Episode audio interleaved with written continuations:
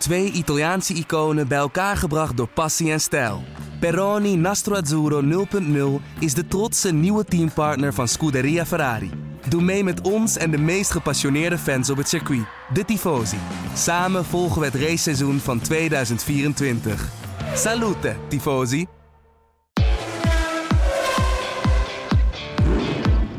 Dit is de Formule 1-podcast van De Telegraaf. Erik van Haren en Christian Albers praten hierbij over het belangrijkste Formule 1-nieuws.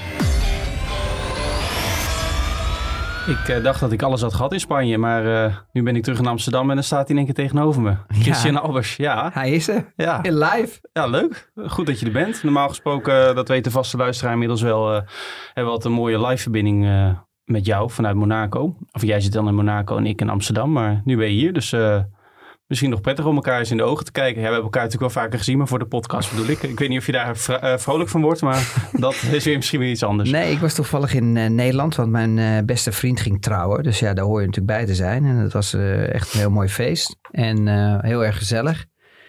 En vandaar dat ik zei van, nou, laten we dan op maandag dan een keer ja, samen zitten. En dat moet je eerlijk zeggen, als je, als je zo hier zit, is het eigenlijk veel professioneler eigenlijk dan dat ik altijd in mijn kantoor ja. zit. Ja, ja. Dat ben je normaal niet gewend van mij, maar uh, zo zie je maar dat uh, de faciliteiten hier goed zijn.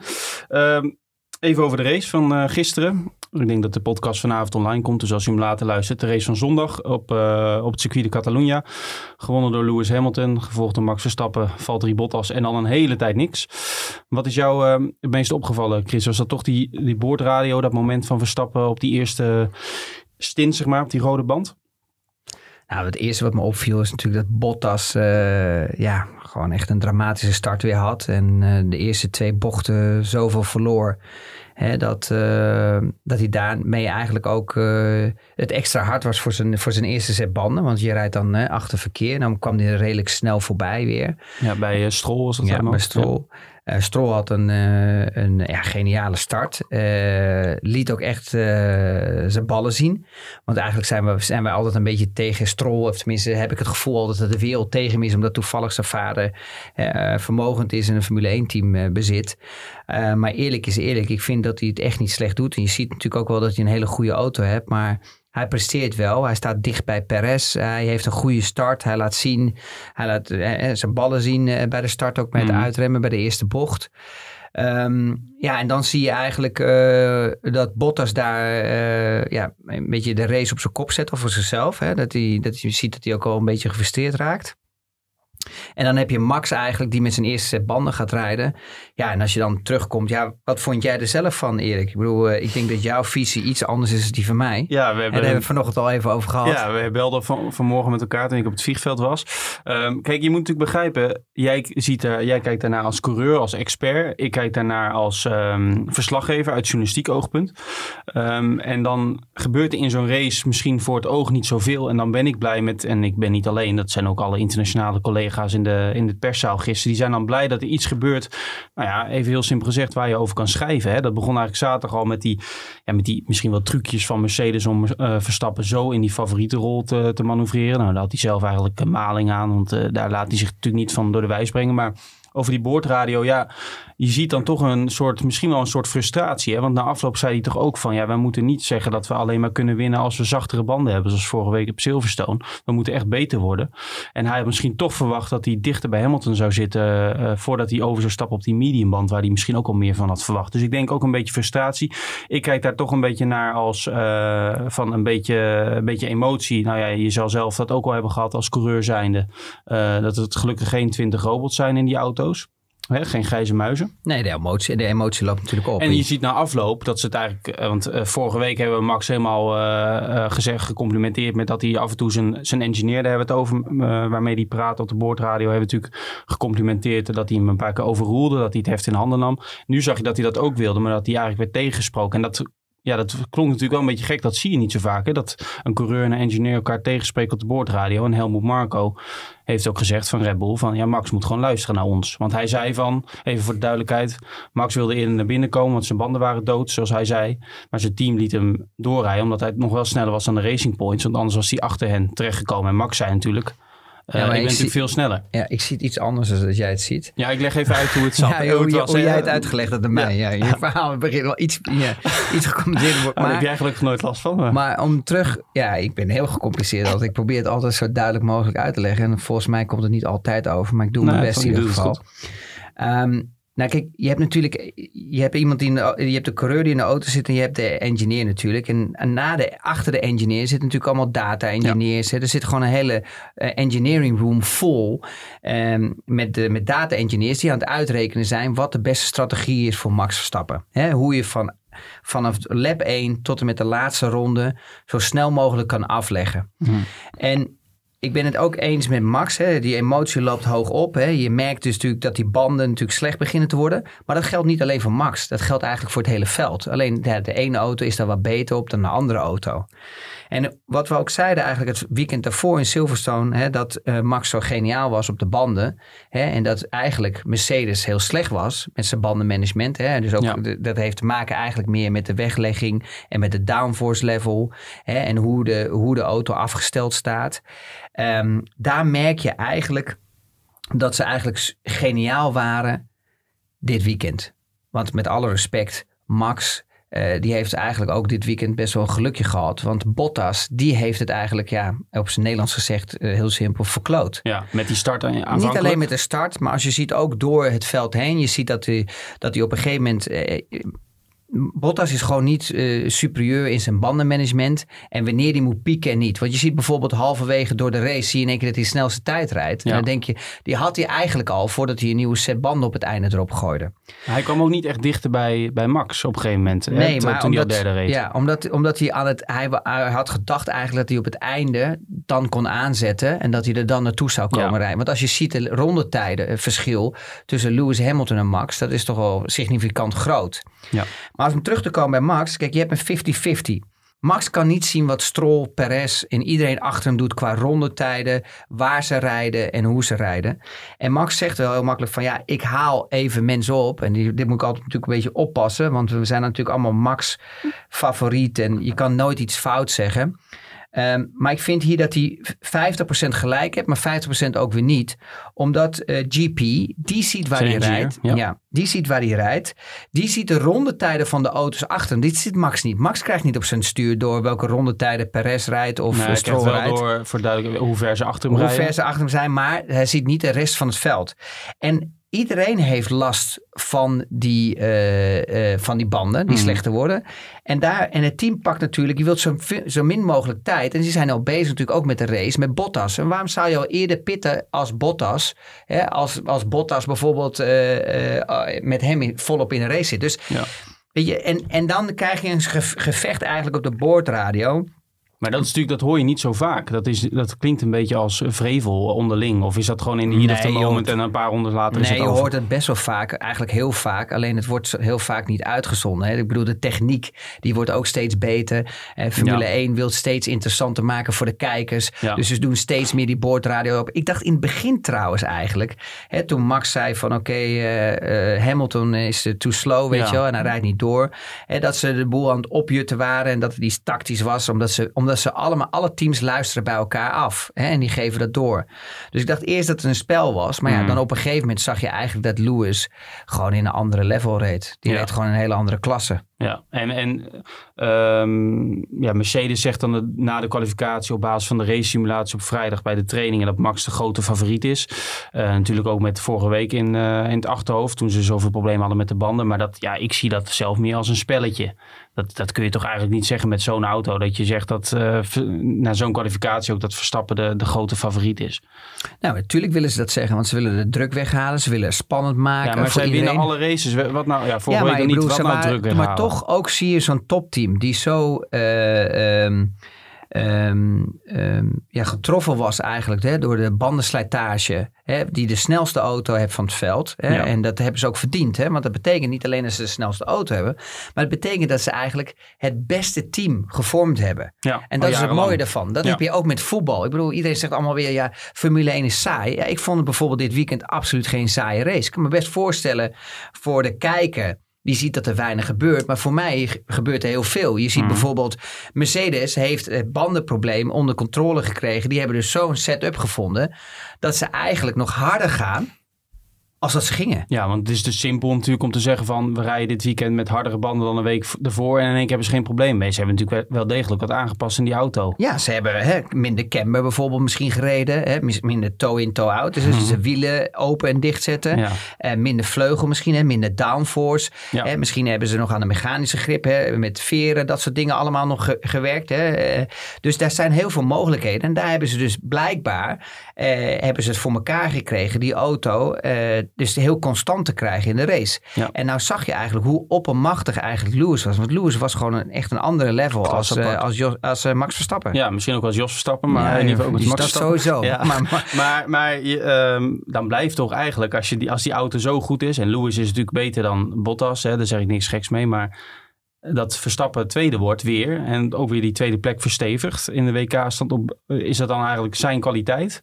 Of is dat de zwakte van Bottas? Want als Verstappen er niet was geweest... ziet ook een Albon, die ligt er zo ver achter... dan was het echt alleen maar Mercedes geweest. nou, het is beide. Want het is eigenlijk eh, Max die gewoon echt zijn job doet. En die gewoon uitermate goed is. Dus ja, daar hoeven we niet over te discussiëren. Dus hij blijft constant in de race. En zijn qualifying is van, van, van, de, van de jaren daarvoor ja, veel, veel beter geworden. Dus je Ja. ziet ook dat hij er continu bij staat. En ik vond trouwens ook de vorige race dat Max gewoon een slechte ronde had in Silverstone. Dat is waarom eigenlijk Hulkenberg daar stond. Want als Max echt gewoon de een goede Ja. ronde had, had, had Hulkenberg, niet- Hulkenberg niet op P3 gestaan. En je zag nu dat Max gewoon weer erbij stond, hè, P3. En, en dan zie je eigenlijk gewoon dat Bottas ja, dit weekend samen met Mercedes het echt ja, compleet verkloot hebben. Ja. Allemaal. Want En je ziet ook dat... ging natuurlijk, eh, dat was natuurlijk opvallend, dat hij in die, een, eh, want het was natuurlijk een tweestopper voor de meeste coureurs. Bij die tweede stop ging hij over op de zachtste band, een al gebruikt setje. En hij had nog verse medium banden over, waar Lewis en Max bijvoorbeeld wel op gingen, eh een tweede of een derde stint. Ja, kijk, dat, dat begreep ik al niet. Want je hebt namelijk een auto hè, die gewoon veel sneller is dan de Red Bull. Dus de Mercedes is veel sneller dan de Red Bull. Dan heb je een nieuwe set banden medium. Je weet dat de auto sneller is dan een Red Bull. En dan ga je toch het risico nemen om naar de soft te gaan. Omdat het bovenin dat ze denken dat, dat die band sneller is. Maar dat heeft eigenlijk bewezen al door het weekend heen. Dat de medium band gewoon veel beter is. Ja. Hè? Dus na de ronde 2, 3, 4. Dat hij toch eigenlijk al sneller is dan de soft die langer doorrijdt. En, en daar zie je dat daar de fout is gemaakt met Bottas ook. En je ziet ook bepaalde momenten dat Bottas de auto heeft die, dat hij sneller kan zijn als Max. Maar toch dat momentum elke keer niet hebt. Elke keer daar een foutje daar. En dan in één keer komt out of nowhere komt de snelste tijd. Ja. Ja, nog op een oud setje banden. Dat je denkt, waar, komt, hè, waar Ja. komt dat in één keer vandaan? Dus hij komt Max makkelijk aan. Alleen Max zie je dat hij constant blijft en dat hij ervoor blijft. En daar heeft Red Bull ook aan, ge- aan gewerkt natuurlijk. Om te zorgen naar strategie. En wat iedereen vergeet is, en en Max... Ik heb precies in zulke situaties, natuurlijk, ik was niet zo succesvol als Max Verstappen. Laten we dat eerlijk zijn. En misschien had ik, heb ik ook helemaal nooit de snelheid gehad als Max. Maar er zit wel een team. En daar zit een heel groot team achter. Die echt kijkt het maximaal eruit te halen. En ah, misschien was het nu, die drie ronden dat hij langer doorreed op zijn softbanden. Heeft hem geholpen weer op het einde hè, een frissere set banden te krijgen. Waar hij mee kon vechten en waar hij mee kan wegrijden. Hè, dat, dat was Ja. misschien ook de bedoeling. Dus weet je, er, er zijn zoveel factoren die een rol spelen. Ja, maar goed, eh, duidelijk is dat eh, Hamilton een klasse apart is in die sterke Mercedes. We hebben het nog niet over de drive of the day gehad. Laten we het daar nog even kort over hebben. Sebastian Vettel, zevende. Ja, Een geweldige prestatie natuurlijk. Ehm, die, reed, eh, die reed in één stopper overigens. Die reed door op die, die begon op mediums en die reed lang door op die, op die zachtste band. Ehm, maar Vettel, ja, het is toch weer een beetje een gek weekend. Hè? Ook hoe hij met zijn engineer eh, sprak. Zaterdag tijdens de kwalificatie zei hij zelfs helemaal niks. Nu komen er ook verhalen door dat hij in het weekend van Spa, eh melden media in buitenland, dat hij dan zijn contract bij Racing Point gaat tekenen voor volgend jaar. Wat dan Aston Martin wordt.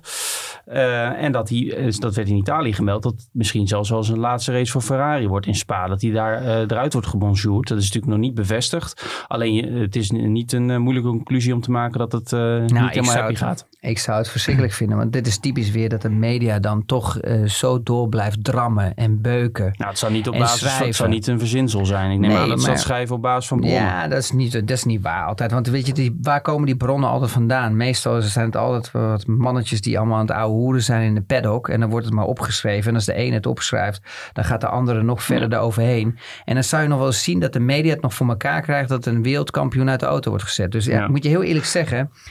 Ik heb het al, we hebben het al eerder over gehad. Het is op dit moment niet de auto van Sebastian Vettel. Hij voelt zich daar niet fijn in. En, en, en Leclerc is daar een compleet andere coureur in. Dit is meer echt een, een doorduwen beuker. En die, die, als je hem ziet rijden, hij rijdt ook veel wilder. En uh, Vettel, die moet gewoon vertrouwen hebben in de auto. En als je geen vertrouwen in hebt, als je echt het gevoel hebt dat je altijd een high-speed overstuur hebt. En je hebt een, een, een, een, een achterkant die, waar je geen gevoel bij hebt, hè, die dus niet blijft plakken.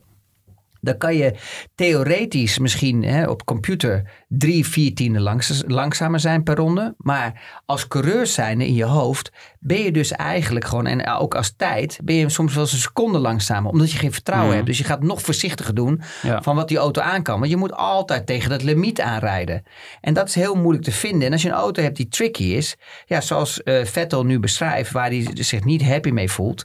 Ja, dan zie je dat hij, dat hij dan uh, toelaat. Maar ik vind eigenlijk, als ik, als ik ging kijken naar Barcelona, vond ik dat Leclerc en Sebastian Vettel dicht bij elkaar stonden. Ik bedoel, zoveel zat er ook niet tussen. Nee, van die... Leclerc miste op een haartje na Q3 op zaterdag. Dat scheelde 2000ste met Norris en ja. 5000ste met Albon. Leclerc trouwens, ik heb er nog een vraag over van Mijnet Acta op Twitter. Die uh, stond op een gegeven moment stil. Toen kreeg die auto toch aan de praat omdat hij uh, zijn gordel afdeed uh, los deed. En toen reed hij toch nog een ronde door. Hij ging niet gelijk naar binnen. Uh, ja, we kregen vragen over. Daarna werd hij naar binnen gehaald door het team. Eigenlijk zou hij dan gestraft moeten worden, toch? Of dat is toch levensgevaarlijk? Maar het ligt net aan hoe de, villa zich, de, de VIA zich voelt. Weet je, als ze een avondje eten ja, je kan betalen goed, in, je kan goed in, eten in Genève, dan, ja. uh, dan, dan krijgt hij boete en anders niet. Nou, ik denk dat het meer eigenlijk de stress op dat moment is. Snel proberen die auto aan te krijgen. Hij denkt dat het over is, dat, dat de motor vastgelopen is of een versnellingsbak. Dan zegt het team natuurlijk al, dan wil hij eigenlijk al eruit jumpen. Dus dan gooit hij zijn gordel los. Dan zegt het team nog snel over de boordradio. Want dat is de laatste stekker die je eruit trekt. Want die gaat er automatisch uit ja. als je er snel uitspringt. En die zeggen dan, ja, je kan hem nog een keer starten. En ik denk net dat hij hem dan toen gestart heeft. En dan als je dan wegrijdt met de engel. Kijk, een Formule 1 auto is natuurlijk niet als een normale auto. Je kan niet even zomaar zo inparkeren. Want nee. je, je wilt natuurlijk dat het stuur zo rustig mogelijk is. Dat je, hè, dus, dus je hebt een veel grotere, uh, hoe zeg je dat in, Engels, in Nederlands? Een, een draaicirkel, ja. Um, dan merk je eigenlijk dat hij dan wegrijdt en dat hij dan de pits mist. En dan denkt hij in één keer, oh oh, ja. mijn gordel heb ik al losgedaan. Ja, die krijg je nooit in je nee, eentje vast. Je zag de, de, volgens mij waren ze met z'n zessen bezig om dat ding weer vast te ja, krijgen. Dat, is niet, uh... dat zit mega strak, want dat moet ook. Want als jij elke beweging die je maakt in de auto, waar je dus niet vast zit, krijg je ontzettend grote blauwe plekken en eitjes op de, op de heupen. Dus je moet echt, echt vastgesnoerd worden. Ja, goed. Ik kreeg ook wat vragen door over de dominantie van Mercedes. Daar hebben we het eerder over gehad. Is dat wel of niet goed voor de sport? Um, ja, ik, ik, het viel mij wel op. De FIA gaat voor het volgende weekend al, dus heel snel voor Spa, dus over twee, uh, kleine twee weken, willen ze onder, onder meer die party mode gaan, uh, gaan verbieden. Hè? De, de, zeg maar de kwalificatiemode en ook al in de race wordt die gebruikt. Hè? Dat teams wat meer vermogen hebben. Wie heeft die naam verzonnen eigenlijk? Die Lewis Hamilton in 2018. Ja, dat is een beetje een modeterm geworden. Ik zie dat jij ik, bedoel, ik kan me herinneren, ik bedoel, volgens mij is Michael Schumacher nu nog ja. helder zou zijn, zou hij ook zeggen, ja, wie komt er met party mode? Want het is gewoon een qualifying in, uh, mapping. Ja, maar okay. dus, ja, het is gewoon uh, de mapping van de van En de overtake mapping en dat soort dingen. Maar ja, oké, okay, maar je hebt heel veel, we het vorige week door met de boordradio van Verstappen op Silverstone over gehad. ze willen er naartoe, omdat het lastig te cont controleren is, bla bla bla, is het verhaal naar een beetje één modus tijdens het hele weekend. Dus na de kwalificatie niet meer aanpassen. Um, dat klinkt op zich logisch. Alleen wat ik heel gek vind, uh, en leg mij dat maar eens uit, waarom gebeurt dat tijdens een seizoen? Je kan je toch niet voorstellen dat de FIFA bij het voetbal nu zegt: Oké, okay, Bayern München, jullie zijn nu zo dominant. De volgende twee wedstrijden in de Champions League, de halve finale en de finale, mag uh, Lewandowski de spits niet meedoen. Zo komt het er mij een beetje over. Hoe kan je tijdens het seizoen de regels veranderen. En natuurlijk snap ik, simpel. ik snap Red Bull. Die zeggen ja, uh, dat is logisch, want dat hebben ze bij ons ook gedaan in de dominante jaren. Dat snap ik heel goed. Alleen maar niet bij party mode. Nee, niet bij party mode. Het ging over vleugelafstellingen en de, dingen aan de ophanging. Maar en ze willen natuurlijk, ik snap wel waarom het gebeurt. Ze willen Omdat het een grijs gebied was in de reglementen. Dus het was wel iets anders bij Red Bull als dat het toen het Ja, maar ze willen laten het even. ja, ja, maar het is je anders uitgelegd. Want, het heeft, want dat, was, dat was echt compleet anders. Grijs gebied. Ja, maar dat is ja. ook tijdens het seizoen. Dat weet je ook van tevoren. Ja, maar een, motor, een motormanagement aanpassen heeft niks met een grijs gebied te maken. Nee, maar je weet toch van tevoren. Kijk, de reden is dat ze het moeilijk vinden om te controleren. Alleen dat weet je ook voor een seizoen al. Dit is niet van vandaag of gisteren. Dus nee, maar ik ze- denk dat ze meer gewoon in een paniekmode zitten eh, op dit moment. Hè. En de FOM en natuurlijk de druk leggen ook bij de FIA. eh, dat ze in een, in een paniekmode zijn dat Mercedes op dit moment oppermachtig is. En ik moet je eerlijk zeggen, ik vind Mercedes nu dit weekend veel meer oppermachtig ja, tonen als dat ze daarvoor waren. Ja, Want ze hebben het nu onder controle. hebben ja, ze hebben het gewoon onder controle op dit moment. Ehm, maar dat wil niet zeggen, blijf Formule 1. Maar ik vind, moet je heel eerlijk zeggen, als ik mijn mening mag geven over al dit met die party modes en zo. Ik denk, ja, weet je, ik vind het echt absolute nonsens. Want Formule 1 is ontwikkeld en is begonnen om een maximale performance uit alles te halen. Zowel je mensen, zowel de auto's, zoals de technology, zoals motoren. Dit, dit, die, die, die qualifying modes, zoals jullie zeggen, die party modes, die bestaan al 30, 40, 50 jaar. Waar praten we in godsnaam over? En in één keer moet het afgeschaft worden. Ik bedoel, het, is, het slaat helemaal nergens op, want elke motor Elke krachtbron hè, levert zijn kracht. Dus elke krachtbron heeft een stukje extra. Dus optisch gezien blijft dat hetzelfde. Ja. Of dat Mercedes nou een stukje bijschroeft, of Honda of Renault, dat, is- dat, is, dat is minuscuul. Je kan mij niet vertellen dat, dat de andere het iets meer nog langer uit kan houden. Maar, ik, ik eh, geloof er absoluut niet in. uiteindelijk de, de, de, bedoeling is natuurlijk dat het vel dichter bij elkaar komt. Maar dat gat is zo groot. Ja, dat- maar je kan mij toch niet vertellen dat Honda en Renault en, de, en Ferrari geen qualifying mode Jawel, hebben, ja, geen dat party ze ook niet. Alleen Dus wat gebeurt er dan met het hele veld dan? Nou, die van Mercedes is wel wat beter als je het zo wil zeggen. Ja, wie zegt dat? Nou ja, dat blijkt toch wel uit de verschillen in Natuurlijk. Q1, Q2, Q3. Nee, natuurlijk niet. Want als jij een nieuwe verse banden hebt, als jij een auto hebt qua de performance veel beter is dan, dan de rest van de auto's die gebouwd zijn, dan haal je ook meer het maximale eruit uit over die ene snelle ronde. Ja, Dus ik, alles komt meer samen. ja. Dus of ja, weet je, ik, ik ben het daar absoluut niet mee Ja, eens en met wat iedereen zag, zegt. Je zag het ook aan de reacties van de Mercedes-coureurs en teambaas Wolf. Raakten er niet echt van in paniek. Hè? Ehm, gingen niet eh, met de knuppel, eh, hoe zeg je dat, in doen nee. Omdat het nonsens is. Ehm, en je zag ook, wat jij net zegt, dat werd ook al ondersteund door bijvoorbeeld George Russell van Williams, eh, Ricciardo eh, van Renault. Die zeggen van ja, eh, wat jij net precies zei, we willen in die kwalificatie, dat is juist het mooie, dat je over één ronde het maximale uit die auto perst. Ja. En dat wordt nu eh, in ieder geval minder. In ieder geval, je kan niet meer het maximale zoals je de vorige weekend hebt kunnen doen. Maar eh, ja, ik vind het gewoon heel raar dat dat tijdens het seizoen gebeurt. En waarschijnlijk vanaf volgend jaar willen ze ook die downforce levels, hè, de neerwaartse druk van de auto's, willen ze heel erg gaan verminderen. Natuurlijk, Mercedes rijdt verreweg met de meeste downforce. Ja, het lijken allemaal trucjes om Mercedes een beetje af te remmen, hè, om het veld dichter bij elkaar Ja, te krijgen. Het Mercedes. eh, een paar jaar geleden was het Red Bull. eh Ferrari, ja, ervoor. Ferrari. Eh, Misschien wordt het over twee jaar weer iemand anders. Het, is altijd, het, is, het blijft altijd doorgaan. Maar ik vind op een gegeven moment moeten ze het ook gewoon eens met rust laten. Hè. Er zijn, ik, ik- het, gaat, het ontwikkelt te ver door, Ja. van mijn opinie. Ik, we zijn wel aan het racen. En ik vind natuurlijk Formule 1 is de pinnacle van, van autosport. En daar moet gewoon het maximale uitgehaald worden. Ook voor de auto's, hè, voor de straat. Voor de- ik bedoel, als, we, als, als iedereen nou zo gebonden was... 20, 30 jaar geleden hadden we allemaal geen ABS gehad. Hadden we allemaal geen traction control gehad op de straat. Waar zelfs tegenwoordig met environment... zelfs de, de, de, de, de, de groene auto's nog allemaal van profiteren. Mhm. Dus weet je, laten we dat nou niet eh, kapot maken. Ik vind gewoon dat ze, dat ze daarmee moeten ophouden.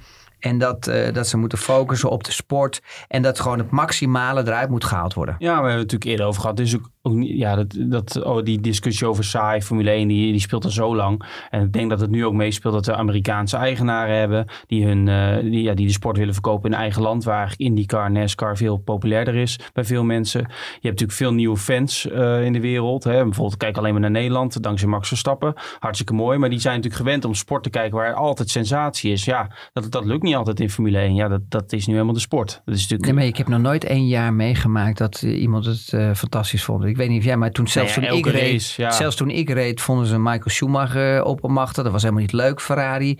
En daarna kreeg je weer Red Bull. Dat Ja. was ook niet leuk. Kijk, het is, heel, het is wel leuk. Want het is niet alleen maar de Formule 1 auto die op dat moment op het circuit wordt gezet. Het, is, het, is, het gaat om een heel team. Ja, het hele team en, En, alle... en, die bouwt een auto. En als die succesvol is, dan kan die toch niet gestraft worden. We kunnen toch moeilijk tegen Ajax zeggen... oké jongens, eh, die 11 man die krijgen allemaal rugtas met 50 kilo aan boord. Omdat Ja. ze te hard lopen, omdat ze te goed spelen. Ja. Ja, het is toch ook heel simpel. Als je het niet Ja. leuk vindt, kijk dan niet. Ja, correct. En ik, vind, ik moet je eerlijk zeggen... ik vind dat een heleboel dingen zoals DRS... waar heel veel tegen zit, vind ik juist... Ja, dus de achtervleugel wordt overgeklapt Ja, als je binnen een ja. seconde zit. Ja. Dus dat ze dus echt makkelijk kunnen inhalen. Daardoor is er wel veel meer inhaalacties in de Ja. Formule 1 gekomen dan, dan, dan, dan, laatste, eh, tenminste de tien jaar daarvoor. Dus ik moet je heel eerlijk zeggen, ik vind dat juist weer, dat vind ik eigenlijk weer een ontwikkeling die heel positief is. Ehm, Ja, alleen je ziet nu wel wat, zeker op zo'n circuit als Barcelona met deze auto's. Het is bijna niet, het is bijna niet te doen om een auto voor je te volgen. Hè? Los van DRS in de bochten en eh, noem maar op. Je zag het ook gisteren, je hebt bijna geen inhaalacties gezien. En dat gaan, willen ze natuurlijk oplossen met die nieuwe auto's vanaf twee- eh, 2022. Nou, ik heb ook wel wat races gezien waar Max voorop lag en waar ze er toch niet voorbij kwamen.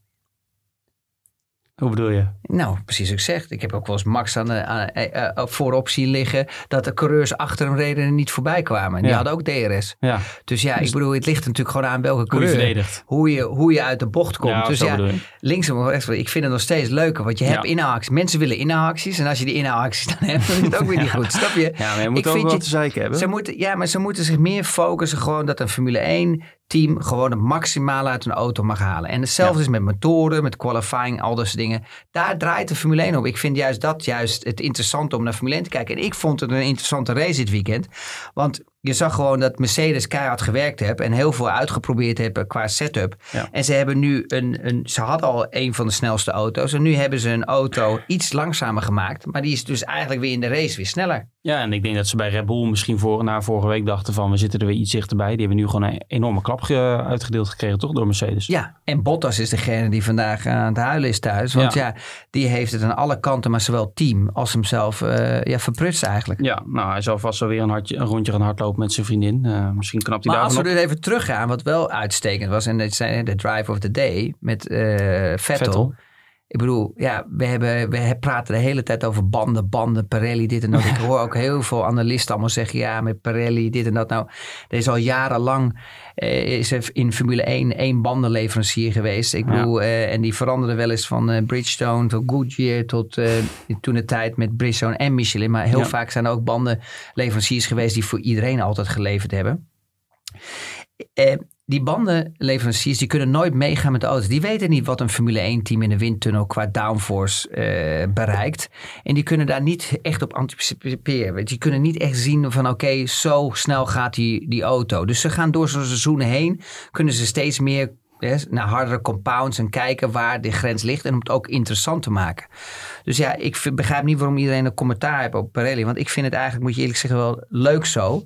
Ehm, om, om dat verschil te zien na die weekends. Hè, eh, en voor iedereen is het dan hetzelfde. Alleen, ik denk dat ze wel iets bijgeschroefd hebben. Omdat het natuurlijk niet correct kan zijn. Natuurlijk dat een, een team wat hè, ze, eh, uit zijn best heeft gedaan om een perfecte auto te bouwen. Een band te geven die het niet aan kan. Nee. Maar misschien is het ook wel puur op Silverstone dan eenmalig geweest. Ja, omdat, natuurlijk, omdat de lood natuurlijk veel zwaarder is natuurlijk door die hoge snelheidsbochten. Hè, en dat maakt het natuurlijk echt zwaar voor de band. Maar dat is de band en de structuur natuurlijk. Maar als je gaat kijken naar de afgelopen weekend met Vettel. Ja, luister eens, die heeft gewoon 37 ronden op een, op een zachte band gereden. Ja. En waarom eigenlijk eh, de, nou ruzie zou ik niet zeggen, maar de discussie kwam in de boordradio, is natuurlijk dat ook daar het team, hè, en dan heb je eigenlijk een beetje een kleine projectie naar, naar Max toe, het team heeft gezegd van, eh, zijn, strategie heeft aangepast door de race. Omdat ze wisten als ze een pitstop zouden maken, dat hij gewoon al die posities zou verliezen Ja. en dat hij er niet meer bij zou Ja, komen. volgens mij was de discussie. Hij, hij, eh, hij- zijn engineer vroeg aan hem van eh, wat vind je ervan om, eh, om de race uit te rijden op deze band? En toen zei hij ja, dat heb ik een paar ronden geleden al voorgesteld. Dat was niet echt een ruzie hoor. Dat nee, was gewoon, maar dat is een discussie. Maar daar wordt natuurlijk opgeplaatst in de media zo'n soort, een soort ruzie, die kleine ruzie. Ja. Maar als je, als je terugkijkt naar waarom zijn ehm, frustratie dan kwam, is natuurlijk dat eigenlijk de planning was nog een stop te maken. En hij, je moet natuurlijk tegenwoordig, vroeger was bij ons gewoon, ja, eh, gas geven en het maximale elke ronde geven. Want dan konden de banden aan. Nu moeten ze heel erg oppassen. Ze moeten rustig die banden proberen warm te krijgen in die procedure. Ze kunnen niet gelijk pushen, want dan over, oververhitten ze de banden. Dus wat gebeurt er nou? Als jij ervan uitgaat natuurlijk dat je een, een drie stoppen maakt of een twee stoppen, of maakt niet uit hoeveel. Maar je begint te pushen. Ja, dan begin je natuurlijk maximale te vragen van de band. En die band die heeft daar niet de eerste twee, drie, vier, vijf ronden last van. Maar de laatste rondes, de laatste paar rondes dat je rijdt, ja, dan, dan zakt hij als een, als een pudding in elkaar. ja. En daar was de frustratie van Vettel van, hey, als jullie het eerder gezegd hadden, had ik wat minder hè, snelle rondetijden gezet een paar, een paar ronden geleden en gepusht. Want dan had ik langer door kunnen rijden. Dus daar kwam eigenlijk Ja, de frustratie vandaan. Alleen Ferrari, en daarvoor zijn ze allebei niet schuld. Ze hebben, ze, ze hebben gewoon hun job gedaan. Ferrari zag het natuurlijk anders. Die zien op de pitwall, luister, dus als we nu hem naar binnen halen, ja, dan gaan we gewoon geen punten scoren. En dus vandaar, die hebben dus eigenlijk door die paar rondes heen, hebben ze hun eh, strategie aangepast. Aangepast, ja. Nou, en dat hebben ze eigenlijk, wouden ze ook doen bij Max. Alleen Max is natuurlijk dan een coureur die ja, ook een teamleider is, maar die dan toch de beuk tegengeeft in die, in die radio. En zegt, hé hey jongens, kom op, ik wil dit en dit en dit. Ja. Ehm, maar ik vind daar ook een beetje 50-50 dat en zowel team juist zat als zowel Max. Ja. Eh, nog even over Toto Wolf, de teambaas van Mercedes. Eh, ik appte jou volgens mij vrijdagmiddag. Toen was je je speech aan het schrijven, denk ik, voor de bruiloft. Ja, correct, ja. Ehm, je wilde eerst mijn hulp nog hebben, maar dat eh, was uiteindelijk Ja, toch niet nodig. ja. Een, een, een Omdat klein- je soms zo goed mij kan verwoorden, een, weet je een de kleine schande, maar dat geldt terzijde. Ehm Toto Wolf zat in de persconferentie van de teambaas. Op vrijdag heb je altijd een persconferentie met teambazen, twee keer drie. Ehm, en wat ik wel interessant vond, hij kreeg nu best wel veel vragen over al zijn, of in ieder geval een paar vragen over al zijn belangetjes. En daar heb jij, daar hebben we het eerder over gehad, want ik had nog even opgezocht, begin maart of april. Even denken, ik denk april. Ja, Ja, april. even de eerste, ja. Ja, april. Eh, nou ja, alle credits aan jou in dit geval. sch- Ja, eh, zei jij dat? Van, dat je het heel gek vond. Hè? Even voor de duidelijkheid. Hij heeft een, een belang in zijn eigen Mercedes Formule 1 team. Hè? Heeft hij aandelen in. Hij heeft aandelen gekocht in Aston Martin. En dan zegt hij de autosporttak. Of niet de autosporttak, gewoon een normale autotak. Hij heeft aandelen in het team van Williams. En hij is zaakwaarnemer van eh, coureurs. hè. Russell, Ocon. Hij was het van Bottas. Misschien niet officieel meer. Hè? Met Ja, Hakkinen maar die nu. hebben een deal samen Maar die met hebben natuurlijk, hij is natuurlijk betrokken. DJ Cotton in Monaco. Ja. En dat is zogenaamd... eh dat doen, maar dat is natuurlijk niet... Maar je eh, vergeet HWA nog. Ja, Daar zit hij ook in. ja, en zijn vrouw... eh? En dan vergeet je zijn vrouw, die zogenaamd Die is, in één eh, keer 30 per- of zo, maar ja, we zeggen, niet echt de aandelen, maar die heeft in één keer aandelen gekregen Ja. in eh, Venturi, dat eh, Formule E-team. E-team. Zij is en toevallig doet HWA doet daar zeg maar hè, de Ja. elektrische motoren voor Ja, dat is allemaal heel toevallig. En Ja. Toto eh, zei Ja. natuurlijk net alsof er niks aan de hand is. Susi is natuurlijk eigenlijk wel gewoon echt een talent natuurlijk voor gewoon echt zo'n teammanager te zijn. Dus het is, Susie is de ja. vrouw van eh. Toto, even voor de duidelijkheid. Ehm, maar daar komen, je nu daar komen natuurlijk nu vragen over, wat logisch is. Je Ik- begrijpt als ik wat zeg elke keer, wordt opgepakt door de internationale Nou ja, pers. En, ik ben, en, en mij kijkt hij straks gewoon niet meer aan. Ja, als jij hem tegenkomt, dan eh, duwt hij eh, het water in. Maar eh, dat is ook weer zoiets. Je had aan het begin over media. Je hebt nu zoveel van die websites die worden gerund door mensen op zolderkamertjes. Dat je eigenlijk bijna, nou gelukkig let jij niet op wat je zegt. Alleen sommige dingen worden zo slecht vertaald en Ja. uit de context gehaald. Dat vind ik wel echt een groot gevaar. Maar, dat, Maar ook analisten hoor, heb ik ook het gevoel dat die gewoon bij ons luisteren en dan, eh, dan wat van maken. Maar ja, of mensen die mijn verhalen eh, lezen. Maar dat eh, is weer een andere discussie. Alleen, hoe kijk jij daar nu naar? Want je merkt toch die druk op hem. Zij, hij was eigenlijk voor de eerste keer dat hij ook een beetje zei... dat hij toch een beetje openlijk twijfelde of hij wel door moet gaan als teambaas. Zijn contract loopt na het seizoen af. Lewis Hamilton, zijn contract loopt ook af. Die heeft heeft een beetje gezegd van... mijn toekomst hangt af van Toto... Maar nu heeft Lewis gezegd, nee dat is niet zo. We hebben een heel sterk team. Ik gun Toto het beste. En Nou, je merkt gewoon, het is heel simpel. twijfel. Het is heel simpel, Erik. Je merkt dat de druk nu begint toe te nemen. En die druk, waar komt die vandaan? Ja, het is een beursgenoteerd bedrijf. Daimler. hij zegt wel, Daimler is het overkoepelende bedrijf. Hij Maar zegt Daimler, wel, alles is, een, is... Daimler is een beursgenoteerd Ja, bedrijf. maar hij zegt alles is uh, goedgekeurd door Daimler. Ja, Eh, ik heb een geweldige bedoel, ik heb band met nooit uh, een- ik heb nog nooit- Kalenius. Ik heb nog nooit een, ik heb nog nooit een beursgenoteerd bedrijf eh, meegemaakt eh, die dit soort activiteiten goedkeurt. Met Ja. alle respect. Dat is hetzelfde als dat een, eh, eh, een bankdirecteur in Nederland de hoofdsponsor is van een, eh, van een voetbalploeg. En die heeft ook allerlei spelers onder contract. Dat Ja, gaat niet. maar het, nu krijgt hij een beetje onder druk. Maar als je even kijkt de afgelopen maanden. Ja, het is bijna potsierlijk ook in de hele Racing Point discussie. Hoe hij het dan opneemt voor dat team en zegt dat andere teams niet in beroep moeten gaan. Alleen maar omdat hij daar... Nee, omdat hij hij, is- zij hebben die breakducts waar het dan over ging, heeft hij natuurlijk geleverd aan het team. Het is er eigenlijk dat je dat allemaal zomaar kan zeggen en dat niemand... eh, nu wordt er dan eindelijk eh, worden de vraagtekens bijgezet. Maar dat dat zo lang goed heeft kunnen gaan. Nou, wat er nu gebeurd is, nu, nu, nu heeft de media, wat ik net al zei, hè, die dus nu, wat je net zag, eh, zei over Vettel. Nu is de media dat aan het oppakken en we zijn er eigenlijk over begonnen al een paar maanden geleden.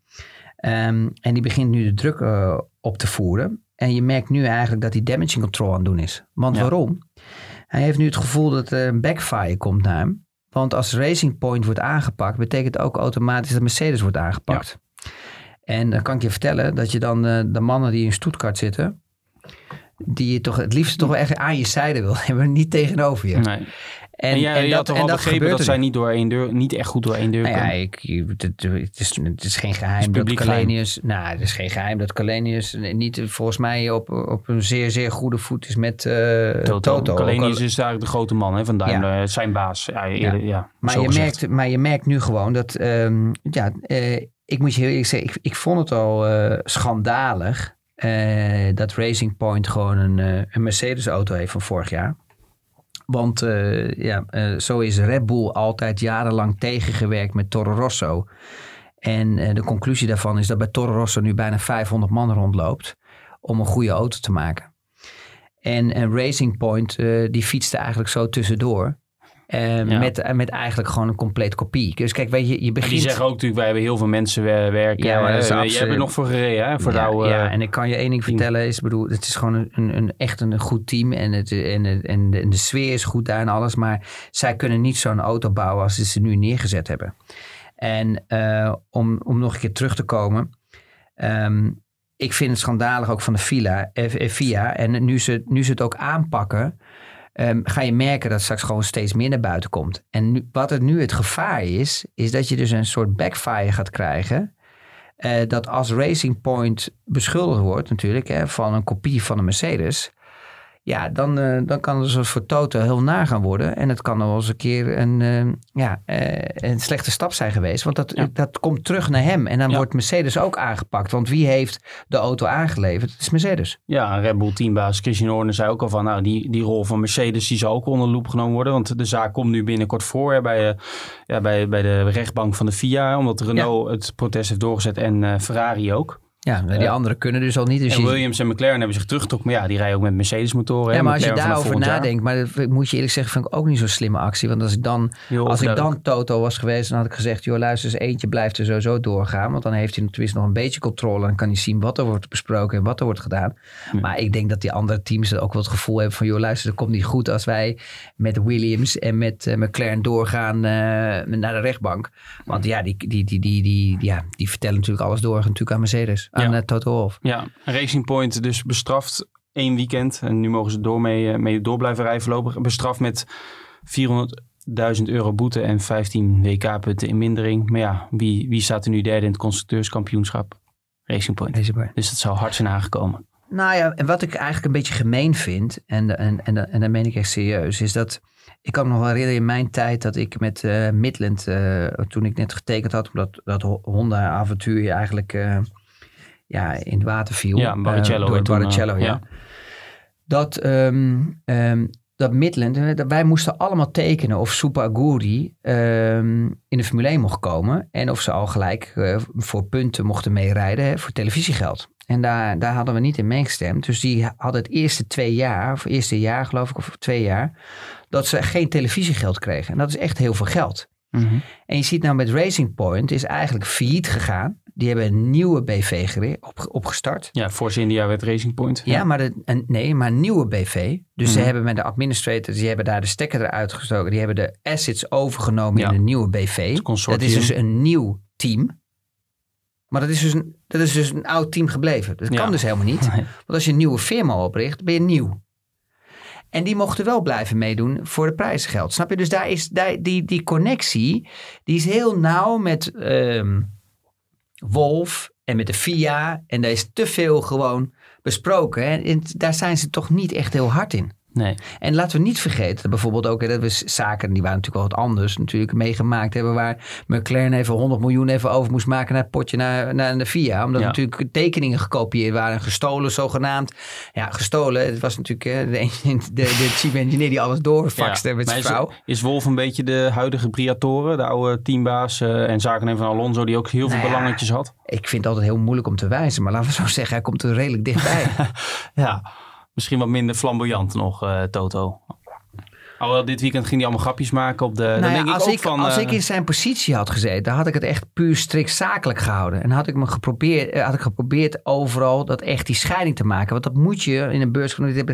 Ik bedoel, als je ziet in, in deze tijd wat we allemaal moeten doen, compliance-wise in de, in de wereld. mhm. Ja, weet je, je wordt tegenwoordig als je al een geldbedrag binnenkrijgt van iemand, word je al gebeld door de bank natuurlijk, hè, om het te verweer. Ja. Dan kan je het mij niet vertellen dat je, hoe kan je nou op een stoel zitten als Mercedes zijnde en dan een coureur die bij je onder contract zit. Hoe kan je dan een salaris goedkeuren? Mag jij mij vertellen, hoe, hoe werkt dat? Ik weet niet hoe dat werkt. Nee. Maar het blijkt wel dat in de Formule Nou ja, 1 het heel veel dus- dingen niet zijn heeft te leggen. Maar het heeft dus wel gewerkt blijkbaar, want anders was het niet gebeurd. Maar begrijp je wat Ja. ik bedoel? Daar, daar, zit, daar zit het gevoelig. Ik bedoel, hoe kan je naar motoren leveren aan Williams als je ook een coureur daar hebt rijden? Ik bedoel, en, hoeveel en ga je die berekenen? team hebt. Ja, snap ik bedoel. En, en dat vind ik op een gegeven moment, dat kan hij wel besproken hebben met Mercedes. Maar dan moet Mercedes nog eens een keer, ja, Daimler. Ja. eh, Daimler moet dan toch nog eens een keer achter de oren krabben. En dat toch nog eens een keer moeten gaan controleren. Want dit kan niet in deze wereld. Dat, kan, dat is te nauw. Dat krijg je nergens in de wereld voor elkaar. Nee. We gaan hier nog lang over doorpraten, denk ik, in de Ben toekomst. klaar? Zijn we al klaar? eh, Nu al? Ja, zeker. Ik, eh, Dylan die zit hiernaast. eh, want ja, Marieke Mager, die spreek je normaal gesproken eh, van de podcast. Maar die is op vakantie. Dat, daar was je erg eh, teleurgesteld over. Maar ik hoop dat je daar inmiddels overheen bent. Eh, nog twee weken. Dan eh, het volgende drie luik. Spa, Monza en Mugello. Goede nieuws is dat eh, ik daar weer heen mag. Dat we weer zijn uitgenodigd. Ja, Spa wordt natuurlijk gewoon eh, weer een eh, ja, super mooi circuit. Is dat natuurlijk. Ja. Is geweldig. Alleen ja, dat is natuurlijk. Dat wordt een zware dobber natuurlijk voor Max. Ja, maar en want het Monza maakt- ook. Ja, maar het maakt het wel wat makkelijker weer voor Bottas. Want er zijn wat meer lange rechte stukken waar hij weinig fout kan doen. Nou, als hij daar weer derde wordt, dan... Oh ja, wat ik enige wat ik nog even wel bespreken voordat we nog gaan afsluiten. Ja. Ehm, ik, heb je, wat vond je van Albon dit weekend? Nou ja, kijk, hij mag al blij zijn dat hij Q3 haalt op zaterdag. Want het scheelde vijfduizendste met Vettel, die het niet haalde. En dan kiezen ze in de race ervoor om hem eh, heel snel binnen te halen op de, voor de hardste band. En dat was een Maar sle- waarom? slechte keuze. Maar waarom haalden ze hem vroeg naar binnen? Nou ja, daar kreeg ik wat vragen over. Dus leuk dat je daarop instelt. Was dat om die band uit te testen voor Max, dat Max een eenstopper zou kunnen doen? Of was het puur omdat hij zo langzaam was om maar iets anders te proberen? Want hij, ja, ik heb, hij is natuurlijk een paar keer nog in beeld geweest met Sainz geloof ik aan het einde. Maar het leek eigenlijk weer helemaal nergens op. Als je dat verschil met, hij werd gelept door zijn teamgenoot. Hij Ja. werd ingehaald door Verstappen. Ja, of, ze, of, of hij de, hard, de harde compound moest uitproberen voor Max, dat weet ik Ik natuurlijk denk het niet. want, ik heb die, band geen- was, die band was niet... Ik heb Max ook nog over gesproken. Die band was vrijdag, was eigenlijk al duidelijk... die band gaan we niet gebruiken voor de race. Want die is veel trager dan Nou, die dan- medium. En die medium houdt lang vol. Dus dat is Nou, denk dan ik niet we de het reden. antwo- antwoord gekregen van Max, maar het is heel duidelijk gewoon. Hij mist gewoon twee seconden per ronde. Dus eh, na, na tien ronden ligt hij niet alleen 20 seconden, maar je hebt ook nog de start. Dus bij de start is het veld ook al uit elkaar getrokken. Ja. Ja, dus dan krijg je er nog een keer 10 seconden bij. Dus hij is na 10 ronden al 30 seconden op achterstand van, eh, van Max Verstappen. Ja. En wat je, dan, wat, wat je dan weer krijgt, zoals we de vorige keer besproken hebben. Iemand die zoveel langzamer rijdt in een auto, heeft een compleet andere auto. Die, Hmm. die voelt niks hetzelfde als Max. Kijk, en daar zit nu ook het verschil in. Niet alleen Mercedes is superieur qua auto, dat ze gebouwd hebben en alles. Maar die twee coureurs zitten ook nog dicht bij elkaar. Waardoor je ook veel Bottas, ja, nog Nee, maar- redelijk, nee, redelijk. maar in de, in, de, in de trainingen en de qualifying, Ja. dus met het testwerk tot en met de race, Ja. liggen ze heel dicht bij elkaar. Waardoor ze dus veel meer die auto kunnen fine-tunen. Max heeft een Albon niks. Niente, nada, niks. En dat gaat hem ook nooit worden. Nee, dus maar- zolang Max niet een coureur... ook- En aan de ene kant gun ik Max die, die vrijheid. Nou denk ik dat hij iedereen vermorselt naast hem. Maar daar, daar, die, relax, die relaxiteit is er ook bij in de qualifying. Daarom zie je ook wel dat hij zo goed presteert. Maar aan de andere kant kan hij ook die auto niet nog verder naar voren brengen. En dat helpt wel als je er eentje bij hebt als Ricciardo of wie dan ook. Ja, ik ben het met je eens dat ik denk dat Max elk, iedereen vermorselt. Maar inderdaad, je moet er gewoon veel dichterbij zitten. En eigenlijk kunnen we ook wel concluderen. Ik had pas een verhaal gemaakt met Pierre Gasly, een interview met hem. Die werd een jaar geleden eh, ja, weggestuurd, gedegradeerd naar Toro Rosso. Nu Alfa Tauri en gewisseld met Albon. Maar dat, is daar zijn totale Erik, tot, dat is nou... Ik hoop dat ze daar nou Marco... Ja, ik ken Helmut Marco ook. Ik hoop dat ze daar nou van geleerd Ze hebben. zijn er niet Want ze hebben, hem- ze hebben hem gewoon gekild. Ze hebben Ja. hem afgemaakt, Gasly. Te snel onder druk gezet. Waardoor het probleem alleen maar erger werd. Terwijl hij zich steeds meer ging overdriven. Maar als ik heel eerlijk ben... Is Gasly de betere coureur beter als Albon? Ja. Alleen, Gasly is mentaal gewoon van dag 1, 2 onder druk gezet. En die heeft nooit de vrijheid gekregen om te kunnen presteren. Ja, maar het is uh, vervelend. En dat hebben ze nu wel veranderd bij Albon. Want Ja, nou doen ze ja. net alsof de- dat hij een goede racecoureur is. en alles. maar Nou, ik het- weet niet wat het jij helpt- gezien hebt van het helpt, weekend. eh, Maar Het helpt niks. Want Nee. eh, we zien het niet in de rondetijden. En eh, het is misschien vervelend om te zeggen, maar ik kan me niet voorstellen dat Albon volgend jaar nog in die Red Bull zit. En ik denk eh, dat ze wel geleerd hebben van die eh, move met Gasly. Want anders, als we naar het verleden kijken, dan had Albon nu al niet meer in, dat, in die Red Bull gezeten. Ja. Denk En het één belangrijk punt nog, laten we ook stoppen met al die nonsens, al die mensen die zeggen dat Pirelli beslist hoe een race gaat worden en zo. Want dat is echt Ja. Ja, je hebt je punt echt- gemaakt. Ik bedoel, het gaat echt nergens over natuurlijk. Want Pirelli maakt gewoon banden. Ja. Ja, en die maken ze al lang van tevoren. En dat, dat, daar komt, er komt alleen maar verschillende compounden uit. uit. Ja, en, en, en de structuur blijft eigenlijk altijd hetzelfde. En het is eigenlijk gewoon de teams die, ja, die, ja, die, die erop gaan rijden. En het ene team heeft nou eenmaal een betere auto en meer downforce en gaat sneller als de andere. En daar moeten ze op aanpassen. Je gaat nu zien straks. Ik denk misschien worden ze ook wel onder druk gezet door de FOM hè, om, en door de FIA. Om bijvoorbeeld hè, naar een zachte compound te gaan. Dat Mercedes het moeilijker krijgt. Hè, dat ze meer bandenslijtage met de velden dichterbij komt. Dat kan hè. We weten allemaal niet wat er eh, achter de schermen wordt afgesproken. Dat wil je nog even kwijt, hè, in de bestuurtijd. Ja. Helemaal goed. Eh, we gaan naar Spa en dan naar Italië. Bedankt weer en eh, tot snel. Dankjewel.